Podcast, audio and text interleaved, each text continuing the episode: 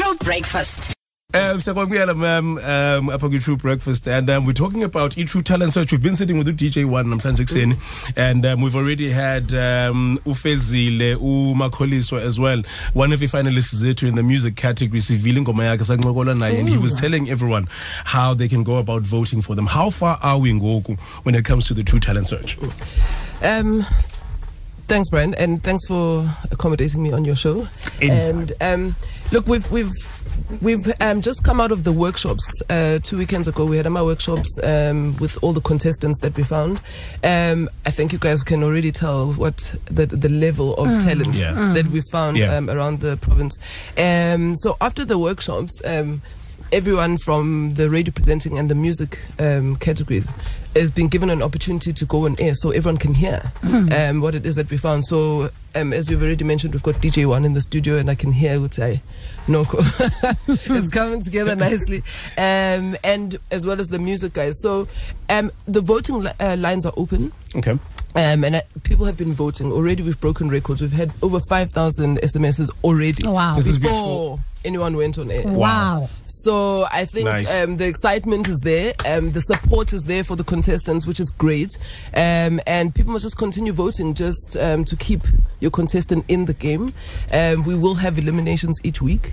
So um, it is important for people to vote to keep their favorite person um, in the in the competition. And just um, a quick recap on um, Indo, Indo, the number of categories as Koyo that we've um, that in the phase that we've now entered. Um, we do know into the, there's uh, the music guys and also the DJs. There's the categories kanene during the Tru Talent Search. It was those two. Okay. All right. Cool. it was those two categories.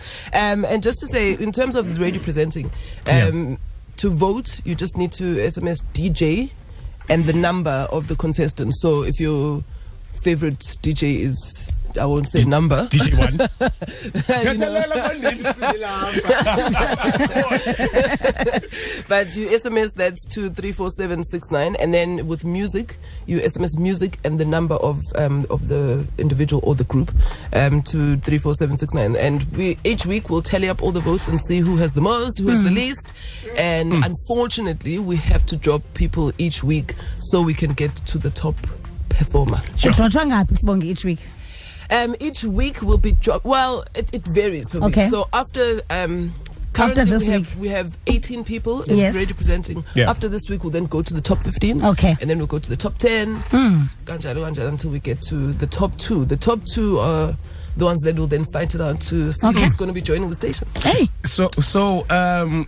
They're going to be on each and every single show. Okanye- Are they going to be on each show? okanye is Are there specific shows about about about Um, you can get them on? Currently, we're, we're, we're working with six to six. So between your show up until um, Tru Afternoon, we'll have uh, people will present co-presenting. Yeah. Um, and then as time goes by and the fewer um, contestants we have, you know, we'll move them around. But each person should get a chance to co-present a different show, so we can get a sense of where they fit in, what their style is, Yeah. um, and you know what what show they'll end up doing.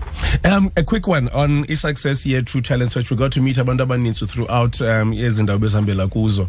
Um, how, how how was it for, for for you as a marketing manager and also for you Tru FM um, senze njani? Yeah. Look, um, you know, from a marketing point of view, I cannot fault this campaign. it Yeah. was great. We got to get the brand out there. We got to meet all the listeners, and it's very important to also, you know, to take the brand out there so that.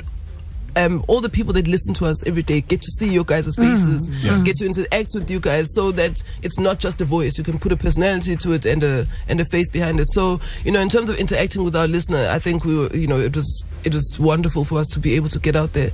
Um, and then in terms of you know, from a listener perspective as well, it was this opportunity is awesome. You know, mm. Sure. you, you get Sure. an opportunity to be part of the brand that you listen to every single day, and with music as well, you get to, you know. The person who wins is going to get to record with Doomza.